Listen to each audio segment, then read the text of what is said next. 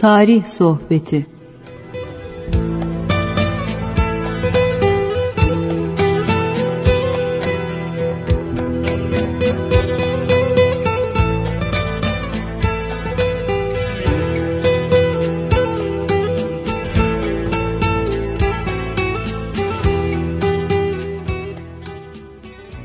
Merhaba kıymetli dinleyenlerim.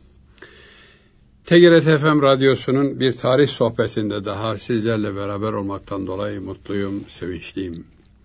Bugünkü yayınımız esnasında Teknik Masa'da Muhittin Yaygın Göl bizlere yardımcı oluyor. Gökhan Güler Bey de sizlerden gelecek sual telefonlarına cevap vermek üzere yönetmen masasında bekliyor.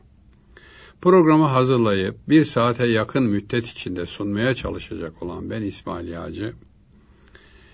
İnşallah bütün dinleyenlerimize ve e, arşiv şeyinden de dinleyeceklere ileride inşallah hayırlı, mutlu dakikalar geçirmeye çalışacağız. Efendim bugünkü programımızın başında her programımızda olduğu gibi rutin gibi geliyor ama yani efendim et tekrarı ahsen velev kâne 180. Biz her programda bunları tekrar etmiyoruz ama bir Kabusname adlı insanlara nasihat olan bir kitaba da yazıldığı günden belki çok daha fazla ihtiyacımız var şu anda. Ta 1082'lerde yazılmış. İskender bin Kabus, Kühistan Sultanı, oğlu Gilan Şah'a Kabusname adıyla bir vasiyetname ve nasihatname olmak üzere kitap kaleme almış, yazmış. Ondan bir alıntı. Oğluna nasihat ediyor ama hepimize bu nasihat. Bütün insanlığa. Bütün insanlığa. E diyeceksiniz peki Müslüman olmayanlar? Evet. Rahmetli hocamız allah Teala gani gani rahmet eylesin buyururlardı ki onların da hocaları Seyyid Abdülhakim Arvasi Hazretleri buyururlarmış ki İslamiyet'in emrettikleri şeyler aspirin gibidir. Aspirini kim kullansa ondan istifade eder. İmanlı da kullansa, imansız da kullansa istifade eder. Mesela efendim temizlik imandandır buyururlardı. Bu temizliğe kim riayet ederse rahat eder, sıhhat bulur.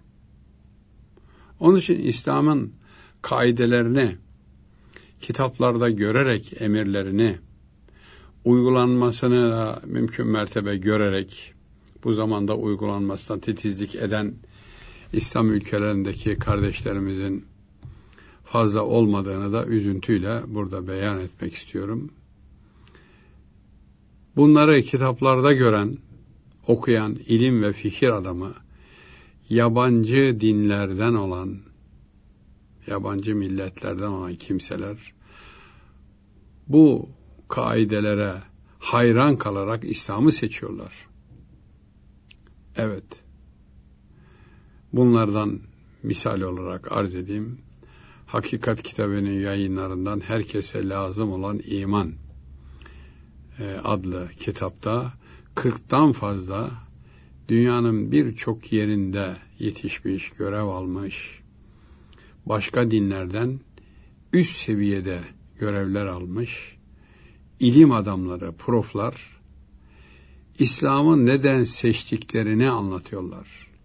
Hristiyanlıkta neyi aradılar, bulamadılar, onu İslamiyet'te nasıl buldular, bu hatıralarını anlatıyorlar. Tavsiye ederim. Hakikat kitabının yayınları Türkiye'nin her yerinde, Türkiye gazetesi bürolarında, ihlas mağazalarında mutlaka bulunmaktadır. Efendim buralardan edinin, bakın İslam'ı nasıl görmüş bu yabancı insanlar. Biz denizin içindeyiz de denizin kıymetini bilmeyen balık gibi oluyoruz. Sonra denizden çıkınca da ah deniz neredesin, vah deniz neredesin diye çırpına çırpına ölüyoruz. Buyuruyor ki, cahili, beceriksizi insan yerine sayma. Allah Allah. Yani görev verme hususunda insan yerine sayma. Yoksa bunlar hayvandan beterdir manasına söylemiyor. Cahili ve beceriksizi insan yerine sayma. Yani bunlarla beraber oturma. Bunlarla meşverete kalkma. Bunlardan gelen şeylere dikkat et. Teklifler olur, daha başka sözler olur, bilgiler olur. Dikkat et bunlara. Hele kendini alim sayan cahilden, aslandan kaçar gibi kaç.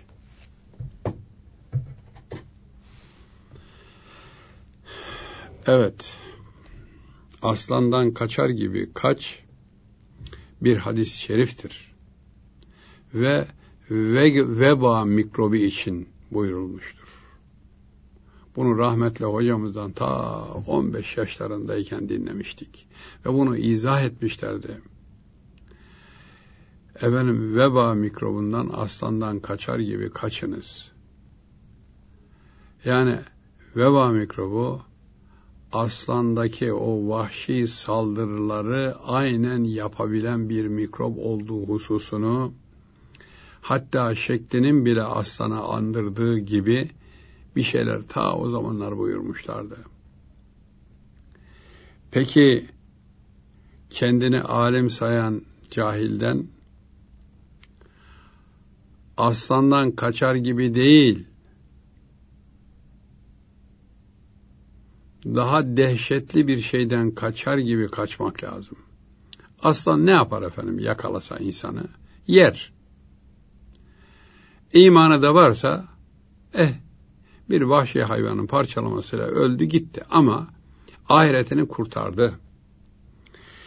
Kendini alim sayan cahil ise vay vay vay vay vay vay. Senin hayatına bir şey olmaz belki. Aslan gibi yersin, içersin. Hatta o sana İslam'daki yasakları falan filan hepsini de böyle otoban gibi her taraf serbest arkadaş 120 kilometreye kadar basta der diyorlar şimdi. Böyle olup ekranlara çıkanların birçoğu maalesef bu hususta aman gazetelerin e, ağzına düşmeyeyim, diline düşmeyeyim diye dini dini sevmeyen basın yayının arzu ettiği şekle sokarak her şey serbest. Ne alırsan al. Japon pazarı gibi. Her şey serbest. Din bu değil. Din adamı bu hiç değil. Din adamı merdane, kim ne derse desin, işte kitap, bu kitapta bu yazıyor. E peki bu ekran gülü olarak çıkanlar ne yapıyorlar? Kitap okumuyorlar ki. Bunlar cahil adam mı kitap okuyacaklar canım? Daha anasından doğarken alim olmuşlar. Bu adama kitap okumak nakise. Olur mu efendim hiç? Hadis-i şerifte utlubül ilme diye başlıyor. Beşikten mezara kadar. Beşikten mezara kadar ilim talep ediniz. Utlubül ilme diye başlayan hadis-i şerifte de ilim velev ki Çin'de dahi olsa gidip oradan alınız. Çin ülkesi o gün içinde, bugün içinde. Bu bizim yaşadığımız dünyanın en uzak ülkesi. Budalara, putlara tapan, ilahi dinlerin renklerini görmemiş, duymamış, efendim yemesinde, içmesinde, yediği hayvanların etlerinde falan filan hiçbir tahdidi olmayan ne gelirse, ne gelirse yani böcek, çiçek ne gelirse veya köpek bunları yiyen insanlarda dahi ilmin olduğunu duyarsanız gidip oradan alınız buyuruyor hadis-i şerifte. Aman o kafirlerin olduğu yerlere gitmeyin. Onlar müşriktir, onlar Budisttir, Brahmendir, ateşperesttir demiyor. İlmi oradan alın diyor. Kendini alim sayan cahilden Allah Allah hele bir de etrafında hocam hocam diye pervane olarak dönenler varsa bu adam böyleleri varsa bu gece gündüz uykuyu bir kenara bırakıp hakiki ehli sünnet kitaplarından dini öğrenmesi lazım. Yoksa yan gelip yatıyorsa bu kimseler, insanların sorduğu soruları cevapsız bırakarak, cahilmiş ya bu adam da boşmuş diye nefsi dedirmemek için, önüne gelene, onları nasıl memnun edecekse, bir defa dinin yasaklarının hepsini yasak değil. Bunu önceki alimler böyle insanları sıkıntıya sokmak için yasak yasak yasak demişler. Yok kardeşim ya yok olur mu ya size üç saat orucu fazla tutturmuşlar diyenleri çıkmadı mı efendim? E, orucun hudutlarına bak. Orucun hudutları her mevsim değişiyor. Bunu kabul ediyor musun? Ediyorum. E peki niye üç saat fazla tutturdular diyorsun?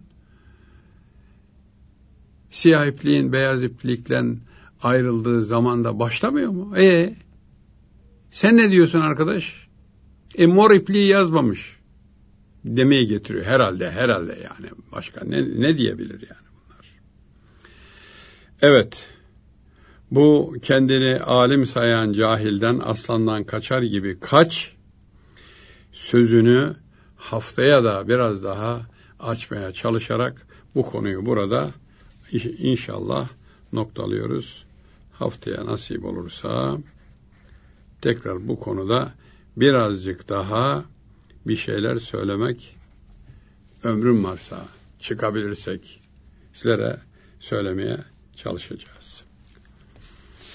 Şimdi size Abdülhamit Han'ın hayatı hakkında epey bir şeyler arz etmeye çalıştım. 31 Mart vakasını anlatabildiğim kadar anlattım. 31 Mart vakasında suçlanarak Kızıl Sultan, hafiyeci, efendim, jurnallerle iş yapıyor diyen kimse olarak tanıttıkları Abdülhamit Han'ın hemen odasının yanı başında çalışan makam odasının 14 sene başkatip, başkatipliği yapmış Raşit Bey hatıralarında Abdülhamit Han'a anlatıyor. Herhalde geçerli değil mi efendim bu? 14 sene dile kolay 14 artık huyunu suyunu tam olarak öğrenmiştir. Diyor ki Sultan Halim Halim hilm sahibi yani yumuşak huylu ve rahim idi. Acırdı, merhametliydi. Kimsenin rızkına engel olmaz, siyasi sürgünlere bile, siyaseten sürdüğü kimselere bile aylık bağlatırdı. Nereden bağlatırdı? Hazineden. Ne hazineden kardeşim? Hazinede para yok ki kendi hazinesinden, kendi parasından bağlatırdı. Çok zengin bir insandı Abdülhamit Han. Padişah olmadan önce gelmiş geçmiş Osmanlı şehzadelerinin veliahtlarının yahut da en zenginiydi. Ticaret yapardı. Ziraatla para kazandı. Efendim bugün de Türkiye'nin bu sene mesela çok dar boğazlardan geçtiği et meselesinde canlı et için hayvan beslerdi. Canlı sürüleri vardı. Binlerce koyun sürüleri vardı. Bugün öyle bin tane koyun olan insan Türkiye'nin zenginleri arasında sayılır. Köylü deyip geçmeyin. Köylü yeter ki bir yol gösteren olsun onu kendi anadan atadan gördüm dediği şeylerle yapmasın demiyoruz. Onu yapsın. Ama sen de ziraat fakülteleri olarak, hayvancılık bölümleri olarak köylüye gittiğin zaman köylünün anadan atadan yüzlerce yıldır hatta bin yıldır edindiği tecrübelerinde çürütecek laflar etme. O zaman sen konuyu bilmiyorsundur. Sen ona yeni araştırmalarla elde edilen bilgileri vermeye çalış. Efendim, hayvanın e, kilo ağırlığını nasıl sağlıklı bir şekilde artırırsın, ona hile yollarını değil, bunları anlatırsan köylü seni baş köşeye oturtur. Yoksa köylü dinliyor dinliyor ya bu da diyor bu adamlar bilmiyor ki diyor ya. Benim dedemden beri yaptığımız işi geldi diyor alt üst etti gitti diyor. Kredisi kalmıyor. Peki burada anlayış göstermeye kim mahkum? İlim adamı mahkum. O köylüye yol göstermeye giden ilim adamı mahkum. Köylüden bu hürmeti kendi marifetleriyle kazanması lazım.'' Yoksa ben geldim. Benim çocukluğumda devlet bu demekti efendim. Kaymakamın karşısına çıkanın kafasında kasketi olacak. Efendim mutlaka sırtında ceketi olacak. Yoksa da emanet bulacak. O ceket ona uyar uymaz, bedenini kavrar kavramaz. Kaymakamın karşısına mutlaka düğmesi ilikli çıkacak. Şapkası olacak ama şapkayı da elinde alacak böyle elini de efendim namazın kıyam vaziyetindeki gibi birleştirip hafif de titreyecek, heyecan gösterecek. Niye? Devlet kardeşim karşındaki. Olur mu efendim yani? Sen sen köylü konuşmasını senin karşında heyecanlandı, şaşırdıysa evladım otur, sakin ol. Bak ben de bir köylü çocuğuyum. Evet kaymakam oldum ama ben de köylü çocuğuyum. Sen hiç merak etme. Sen derdini rahat anlat. Ben anlarım seni. İdareci bu. Osmanlı böyle idareci yetiştirdi. Enderun bu terbiyeyi verdi. Ama nerede? Sürgünlerine bile Abdülhamit Han aylık bağlatırdı. Kendi kesesinden bütün camileri tek tek dolaşır. Oradaki hocaların arkasında namaz kılardı. Ya ben padişahım çekil bakalım cahil hoca. Çekil de bak namaz nasıl kıldırmış göstereyim. Hayır, hayır, hayır. Hayır. Tevazu insanların süsüdür efendim. Süsüdür. Kibir de insanların maddi manevi kiridir, kiri. Kir. Kirlerin yanında durabiliyor musunuz? Kokusundan falan duramıyoruz. Düşmanı ve ittihatçı olan Doktor Abdullah Cevdet Trablusgarp'a sürülürken bütün birikmiş aylıkları olan bir torba mecidiyeyi baş zaptiye ile Abdülhamit Han ona gönderdi. Doktor Abdullah Cevdet yakalanmış ve sürülüyor. Trablusgarp'a, Fizan tarafına sürülüyor. Öldürmeye göndermiyor. Orada da insanlar yaşıyorlar. Trablusgarp halkı ne yiyor içiyorsa o da orada onu yiyecek gidecek. Ama aman haşlıksız kalmasın diye. Birikmiş aylıkları da Niye birikmiş? Cezaen mi kesilmiş? Hayır. Maaşlar ödenemiyor. Bu acil durumda, bu kritik durumda sürgüne gönderdiği birisinin bütün birikmiş aylıklarını tedahüle kalmış denirdi. Tedahül, D harfiyle söyleniyor. Tedahüle kalmışları ona gönderirdi. Bu adam kimdi? Abdülhamit Han'ın doktor çıktıktan sonra bunun böyle siyasetle uğraştığını gördüğü ve çeşitli toplantılarda yakalandığı için hapislere atılmadı. Tutuklanmadı. Gözaltına belki alınmadı. Yurt dışına, dış göreve gönderildi. O gün için en makbul işlerinden birisi. Viyana'da bulunan Osmanlı elçiliğinin doktorluğuna tayin etti. Bu doktor Abdullah Cevdet orada iken Viyana'da bulunan Doktor Theodor Herzl'in adresini aradı, buldu ve kendisine dedi ki siz ziyarete geldim. Kimsiniz dedi. Böyle böyle ben Osmanlı elçiliğinin doktoruyum. Osmanlı elçiliğinin doktoru. Osmanlı devletinden toprak koparmaya çalışan, orada bir Siyonist devlet kurmaya çalışan, Siyonist devlet demek Yahudi devleti demek değil. Dinsiz bir devlet kurmaya çalışan. Siyonistler dini kabul etmezler. Ama Yahudilerle beraber burada o devleti kuracakları için Museviliği, Yahudiliği kabul etmiş görünüyorlar. Yoksa öyle olan bir hakiki Yahudi, hakiki Musevi olan yani hakiki derken bugünkü safiyane olup da gidip ağlama duvarında ibadet eden Yahudilerce Mescid-i Aksa makbul değil mi? Makbul. Niye şimdi askerini Siyonist devlet oraya çizmelerle sokuyor? İnsanları oranın içerisinde niye yerlerde sürükleyip dövüyor? Niye sağını solunu kırıyor? Çünkü bütün dinlere karşı.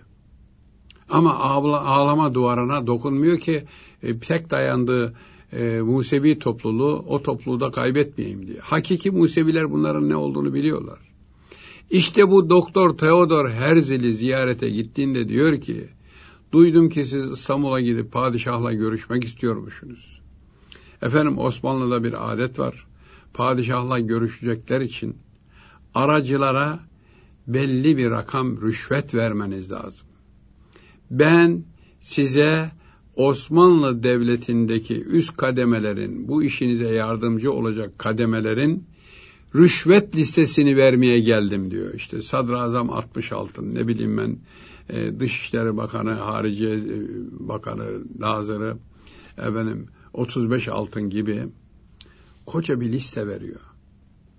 Listeye baktım baktım diyor Theodor Herzl hatıralarında. Dondum kaldım diyor. Dondum kaldım. Ya ben böyle bir şeyi yıllardır arıyordum buraya nasıl girebilirim diye. Ayağıma geldi diyor. Şaşırdım bu beni kandırmaya mı geldi acaba? Beni aldatıyor mu? Baktım ki çok samimi diyor. Dedim ki bana bunları niye verdiniz? Efendim size ben hayranım diyor Doktor Abdullah Cevdet. Size ben aşıkım diyor.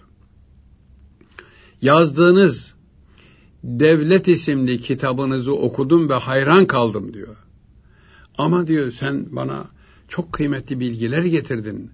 Sana benim bir yardımcı olmam lazım. Yani cebine para basmam lazım demek istiyor ama onu kibar. Bakıyor ki adam profesyonel değil, amatörce yaklaşıyor işe. Sırf Abdülhamit Han'a aşırı düşmanlığından bir Siyonist devlet kuracak adamın karşısında büküm büküm bükülüyor. Ve diyor ki ben sizden hiçbir şey talep etmiyorum. Hiç. Ancak öldüğümde evlatlarıma şerefli bir hatıra bırakmak istiyorum diyor. Şerefsiz insan. Bu devlet kitabınızdan bir tanesini bana imzalayıp verirseniz ben öldükten sonra çocuklarım babamız böyle birisinin kitabını bizzat kendinden almış derler. Onunla övünürler diyor. Belki onun da sülalesinden insanlar vardı şimdi Doktor Abdullah Cevdet'in. İşte böyle elçilik mensubu olarak Osmanlı devletinin, padişahının, İslam halifesinin yüzde 1500 aleyhinde bulunan adam Viyana'dan döndükten sonra gene parti işleriyle uğraşınca Abdülhamit Han diyor ki bu uslanmadı. Ben buna devlette şerefli bir görev verdim. Yüksek maaşlı bir görev verdim. Bu ise bunun kadrini, kıymetini bilmedi. Hiç olmasa İstanbul'dan uzaklaşsın. Sürgüne gönderiyor. Gönderirken de bütün birikmiş paralarını veriyor bir can düşmanının, bir din düşmanının, bir devlet düşmanının cebine parasını koyup da oralarda mağdur olmasın merhametini gösteren birisiydi diyor Doktor Abdullah Cevdet için. Evet devam edeceğiz. Bakalım Raşid Efendi neler söylemiş. Abdülhamit Han'ın yakında çalışanlar neler söylemişler. Nasıl bir insanmış? Kızıl Sultan mıymış? Yoksa bir kahraman mıymış? Küçük bir aramız var. Küçük aradan sonra inşallah ikinci bölümde buluşmak üzere.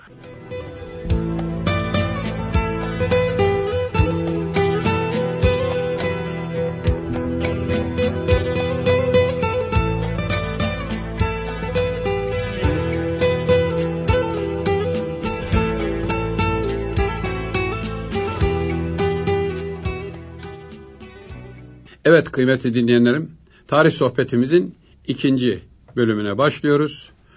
Ee, başlangıçta sizlere irtibat numaralarımı vermeyi unuttuğum için özlümün kabulünü diliyorum. Bize ulaşacağınız telefon numarası 0212 alan kodundan 454 56 46'dır. Radyomuzun mail adresi tgrt-fm.tgrt-fm.com.tr Şahsi mail adresim ise ismail.yagci41 et gmail.com tabi 41 rakamla yazılıyor yazıyla değil takdir edersiniz ki. Evet Doktor Abdullah Cevde de Abdülhamit Han birikmiş maaşlarını başzaptiye ile ona gönderdi. Doktor Abdullah Cevdet bu torbayı alırken padişaha dua ile o güne kadarki düşmanlıklarına pişman olduğunu bu başzaptiyeye yana yakıla anlattı efendim. Parayı almış artık. Hiçbir şey demese teşekkür ettiğimi söyleyin zat-ı şahane dese o da olurdu. Evet. Düşmanlıklarıma şu ana kadar Abdülhamit Han aleyhinde yaptıklarıma bin pişmanım diyor torbayı aldıktan sonra almak için değil. İşte bu yiğit adamın işi efendim. Bunu herkes yapamaz. Can düşmanının ağzından samimiyetle ondan af dileme, pişmanlık dileme sözlerinin dökülmesi herkese nasip olmaz. Abdülhamit Han buydu. Sultan Abdülaziz Han'ın şehit edilmesinde sanık olarak hem de yakın ilişkisi olan bir sanık olarak Kastamonu'dan getirilip Yıldız'da muhakeme edilen Mabeyinci Seyit Bey vardı. Said değil de Seyit Bey. Seyit Bey'in eşi Kevser Hanım evvela gözden uzaklaştırmış. İstanbul dışından Kastamonu'ya gönderilmiş. Bir görevle gönderilmiş. E maaşı da var alabildiği kadarıyla evini geçindiriyor. E tabi hemen mahkemeyi kurmadı Abdülhamit Han. Abdülhamit Han onun için suçlamaya kalkıyorlar. Olur mu? Hadise sıcağı sıcağına olsa olur ama Abdülaziz Han gibi bir padişah ve İslam halifesinin canına kasteden bir ihtilal idaresi başta iken bunun birebir failleri başta iken birinci derece failleri hemen 76'da başa geçer geçmez aa yakalayın. Nerede o gücü? Mithat Paşa zaten ihtilalcilerden birisi Mithat Paşa. Ben bu kuzu gibi şehzadeyi elimde oyuncak ederim. Adonun olur ama bütün kararları ben veririm diye iki sene tepesinde demokrasinin kılıcı gibi durmaya çalıştı. Abdülhamit Han onu uzaklaştırmaktan başka yolu yoktu. İki yıl uğraştı. İnce dantel dokur gibi onu nasıl uzaklaştıracağının planlarını yaptı. Ve en sonunda mahkeme başlatılınca İzmir valisi olan Mithat Paşa İzmir'den İstanbul'a getirilirken vapurda sorgulanabildi. Niye? Valilikten de alındı. Zaten sadrazamlıktan önceden alınmış idi. İşte bu Seyit Bey de daha sonraki zamanda yani cinayetten çok sonraları oradan alınıp geldiğinde bunun eşi Kevser Hanım saraya çok yoksul, muhtaç kaldıklarını, perişan edildiğini padişah tarafından ailelerinin padişaha zemmediyor. Çok şiddetli hakaretleri ihtiva eden, bulunduran içinde bir telgraf çekiyor saraya. Kadın, Kevser Hanım. Kadın bundan dolayı bunları kim anlatıyor? 14 sene Mavi'nin başkatibi olan yani Seyit Bey'in de mesai arkadaşı olan Raşit Bey anlatıyor. Bir düşmanlara anlatmıyor yani. Efendim. Telgrafa Abdülhamit Han buyuruyor ki bu kadına şiddetli bir telgraf çekin. Zat-ı şahaneye, hilafet makamına, padişaha ve padişahlığa böyle hakaret etmenin uygun olmadığını sertçe bildirin diyor. Evet. O telgraf gidiyor Kevser Hanım terbiyesini alıyor orada. O telgrafla. Sesi kesiliyor bir telgrafta ateşlemiyor. Aynı gün diyor Raşit Bey, Abdülhamit Han bu kadının ve ailenin ihtiyaçlarının görülmesi için ve parasını kendi kesesinden ödemek üzere Kastamonu valisine bir emir telgrafı gönderiyor. Bu kadını insanlara muhtaç etmeyin, masrafı benden diyor. Şimdi bugün bir valimize, bir kaymakamımıza, hatta bir muhtara birisi bir mesaj çekse, bir mail atsa muhtarlarımızda internet adresleri var. Sen nasıl muhtarsın, gözün kör mü, işte şunu görmüyorsun, bunu görmüyorsun, bizim suyumuzu başka köyler alıyor gibi hakaretler etse, o muhtar ne yapar efendim? En kibarı mahkemeye verir bu adamı. Bu padişahlık mahkemeye de vermiyor. Ama devletin icabı olan azarlama telgrafını çektiriyor. Arkasından da ikinci telgrafla Kastamonu valisine bu kadına yardım edin diyor. Bunu muhtaç halde bırakmayın. Bitti. Problem çözüldü. Mithat Paşa 93 Harbi'ne direkt olarak sebep olduğu için 93 Harbi'nde ne kadar şehit varsa ne kadar Balkanlardan Aralık ayında kanılarla Anadolu'ya canını atan göçmen kafileler varsa hepsinin vebali günahı bu Mithat Paşa'nın omuzundadır.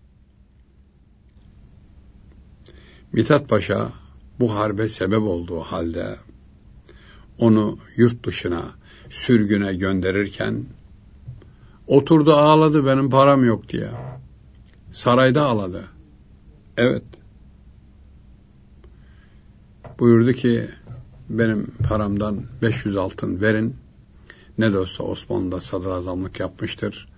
Avrupa'da muhtaç halde olmasın. Cebine harçlık verdi efendim. Bir alacağı falan olduğu için değil. Haçlık verdi cebine. Abdülhamit Han. Yine Raşit Bey diyor ki Abdülhamit Han kan dökmekten çok kaçınırdı. Yani insan kanı dökülmesini hiçbir sebeple uygun görmezdi. Hiç. Kan dökülmesin. İnsan kanı dökülmesin.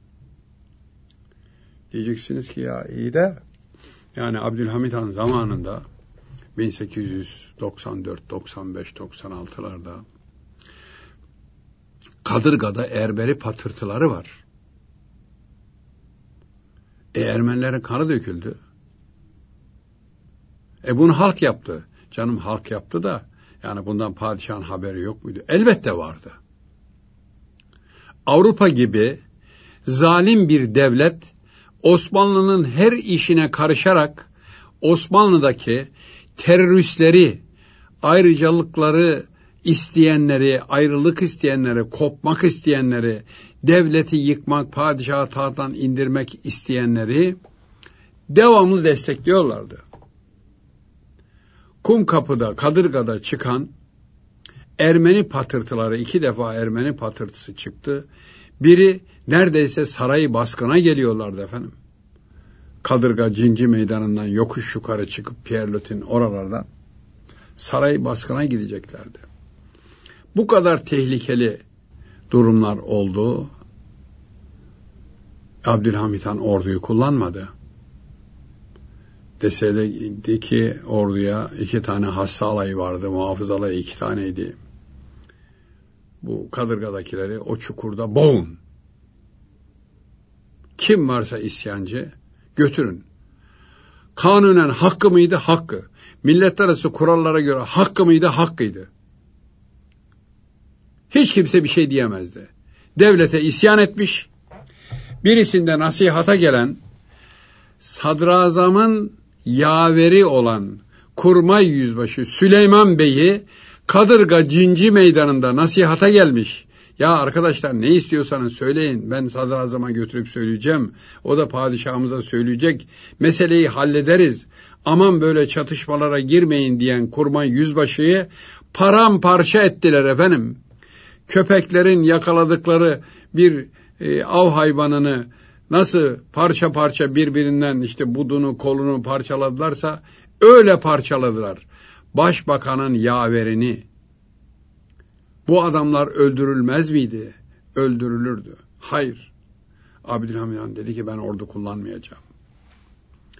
Mahalle kabadayları tabi bunlar da kendilerine göre el altından teşkilatlandırıldı. Ellerinde sopalarla silah yok. Yasak silah. Sopalarla böyle aşağıda ayranı kabarıp da biz işte ayrılık isteriz, evreni, Ermeni devleti istiyoruz falan diyenlere sopalarla bir giriyorlardı. Tiyatro caddesinde, işte Piyoleti caddesinin olduğu yerlerde, bugünkü adları yani.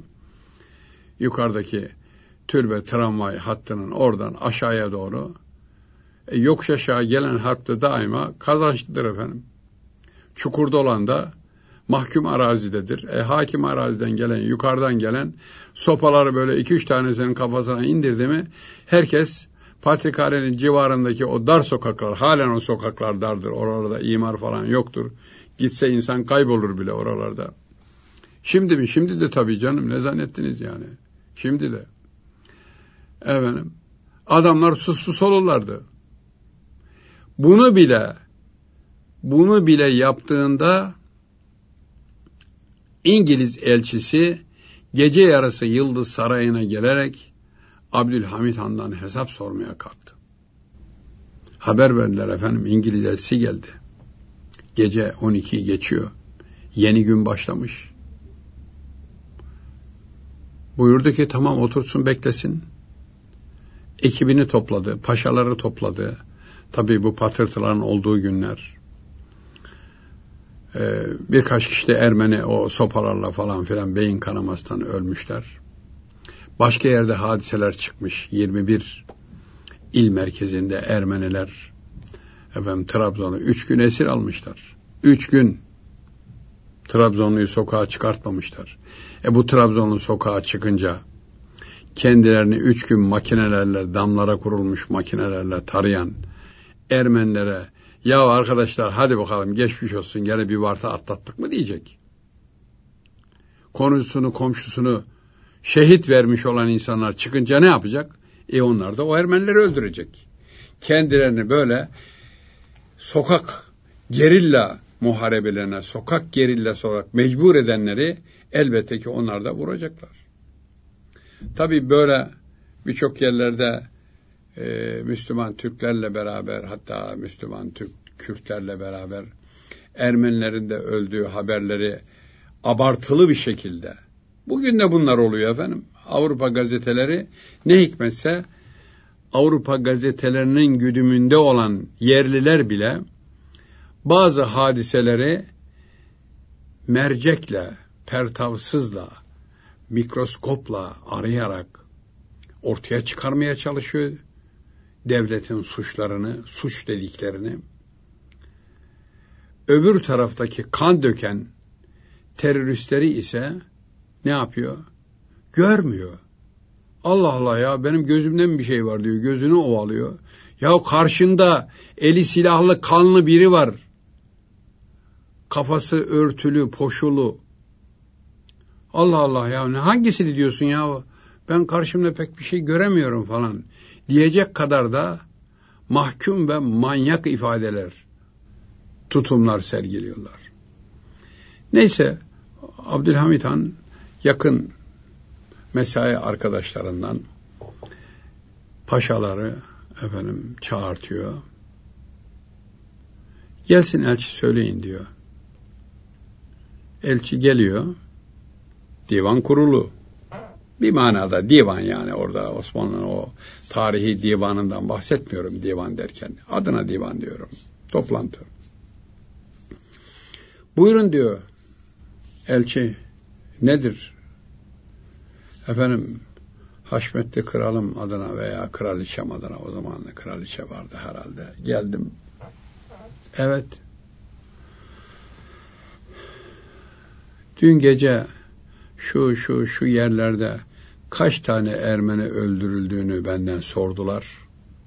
Ben de bilgi veremedim. Zatenize danışmaya geldim. Yani dün gece filan yerlerde şu kadar adam öldürdünüz. Nasıl öldürürsünüz manasına kibarlık İngiliz kibarca yapar yapacağı şeyi. Öldürürken bile kibarca sör diyerek öldürür adamı. Tabi bu uygulamayı yapanlar da bunun raporlarını alanlar da o toplantıdaki paşalar. Paşalar birbirine bakıyorlar ya padişah şimdi Ahmet Paşam sizin bölgede kaç kişi öldü? Mehmet Paşam sizin bölgede kaç kişi öldü diye bizden rakam sorarsa diyor ya ne diyeceğiz? O bilgileri getirmedik. Belki de yok o bilgiler ellerinde. Onlar böyle mosmor bir tehlikeyi beklerken Abdülhamit Han hiç onlara dönmüyor. Diyor ki siz kraliçenize benim saygılarımı iletin. Ben şimdi sayı söylemeyeyim. Filan filan filan limanlara, Karadeniz limanlarına, Trabzon dahil, filan zamanda şu kadar gemiyle gönderdiği silahların sayısını Haşmet Behab bilir diyor. Ne kadar silah gönderdiyse biz de o silahları alan Ermenileri öldürdük. O sayıyı kendileri biliyor, ben burada sayı bildirmeyeyim size diyor. İngiltere nota dahi veremiyor. Kös kös elçi gidiyor. Bunların hepsini elçi biliyordu zaten. Trabzon limanındaki bütün hamal bölükleri, yükleme, boşaltma yapan hamal bölüklerinin hepsi Ermenilerden kurulu hale getirilmişti gizlice. Gizlice. Hamal bölük başları Ermenilerdendi. İngiltere tarafından, Avrupa'dan başka devletlerden yük getirip de oraya boşaltan gemilerde işaretli sandıklar vardı. Bunlar silah ve mühimmat sandıklarıydı. Bütün yük onlardan değildi tabii. Başka şeyler de gelirdi. Ama bunlar şifreli olduğu için o hamalbaşı o belli Ermenilere onları boşalttırır, ayrı bir antrepoya koydurur. Oradan da geldiği gece zaten Ermeni eşkıyaları orayı boşaltırlardı. Bugünkü dünyanın haline çok benziyor değil mi efendim? Öyle. Öyle. Yine Raşit Bey diyor ki 14 sene başkatipliğimde adi suçlardan ölüm cezası alanların sayısı yüzü geçmez. 34 senede. Sene başına 3 kişi bile değil. Ölüm cezası alanlar infaz edilenler değil mahkemenin mahkum ettiği. Padişah bu kişilerden yalnız birinin o da anasını ve babasını baltayla öldürmüş ana baba katili bir canavarın ölüm cezasını tasdik etti, onadı. Diğer işte yüze yakın olan ölüm cezalarını onamadı. Geldi duvar oradan döndü gitti. Bir tanesini onadı. Diğerleri hakkındakileri ne yaptı? Padişahtır, halifedir, müebbete çevirdi. 20-25 sene hatta daha az seneler kürek cezasına çevirdi. Böylece onlara ölüm cezasını tatbik ettirmedi. Abdülhamit Han, Raşit Bey diyor 14 senelik katip, idam cezasını onayladığı, tasdik ettiği kalemi bizzat kırıp sobaya attı. 34 senede bir defa kalem kırmış. Attı. Normal. Ama Mabeyin başkatibine diyor ki, bu evrak saraya girdikten sonra o idam cezası kimler hangi işlemleri yaptılar, defterlere kaydettiler, oraya verdiler, buraya verdiler, ta sana kadar geldi. Bu idam cezası üzerine not düşenler, bunun kayıtlarını yapanların hepsine benim ricamı ilet, hepsi o kalemlerini kırsınlar. İdam cezasının işlemini yapmış efendim, onayını yapan padişah.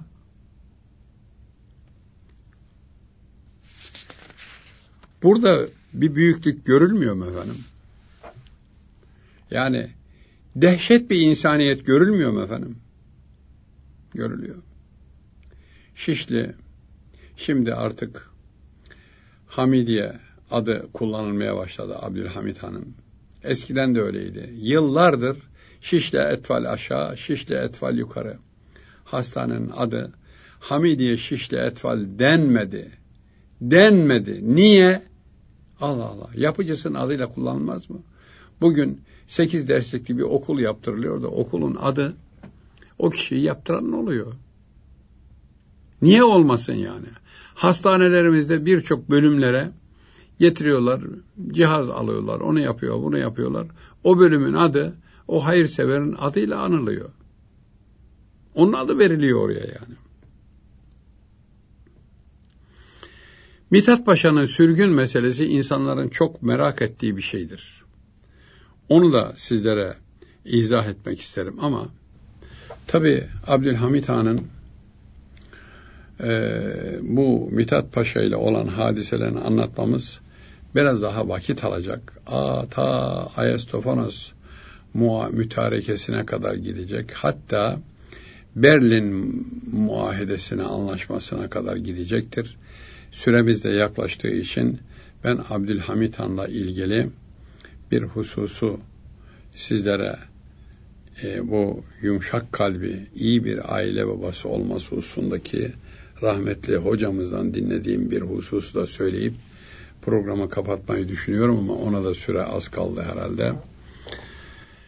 Laleli Postanesi'ndeki bir posta memuru, telgraf memuru, eşi hamiledir, doğum yapacak, doğumu tehlikelidir, doktor nezaretinde yapılması lazım. Fakat buna maddi gücü de yoktur. Efendim devletinde o günkü sosyal politikası bugünkü hallerden hayli uzak belki. Abdülhamit Han'a saraya bir telgraf gönderiyor.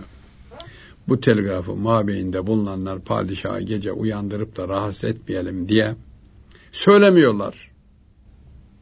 Sabah söyleriz diyorlar. Akşamdan neler geldiyse topluca veririz.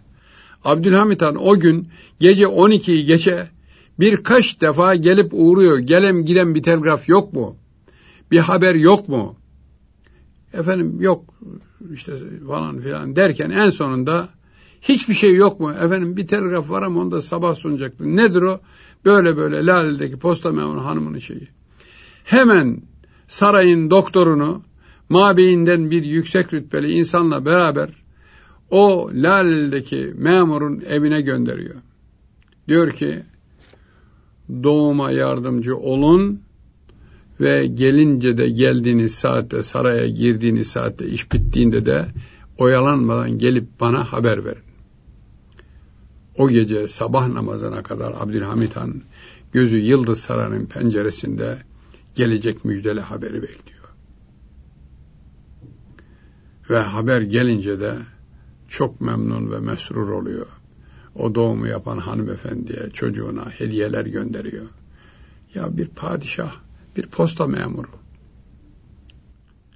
Derecesi düşük bir memur. Yani insan olarak elbette ki üstün. Ama onun böyle çaresizliğini duyurduğu an artık diyor ki bunun mesuliyet halkası, sorumluluk halkası benim boynuma bir kelepçe gibi geçti. Boyunduruk gibi geçti.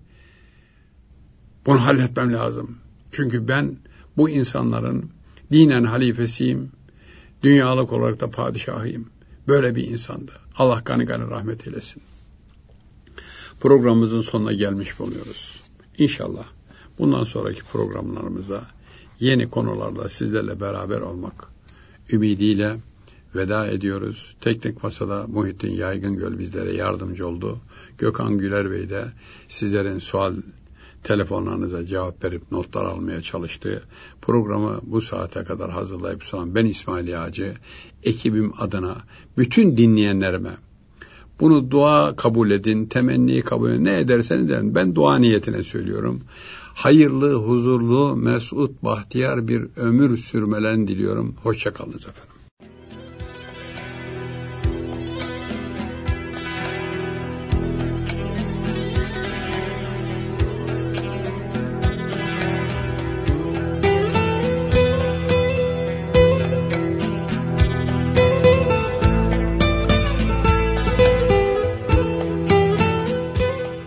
Tarih Sohbeti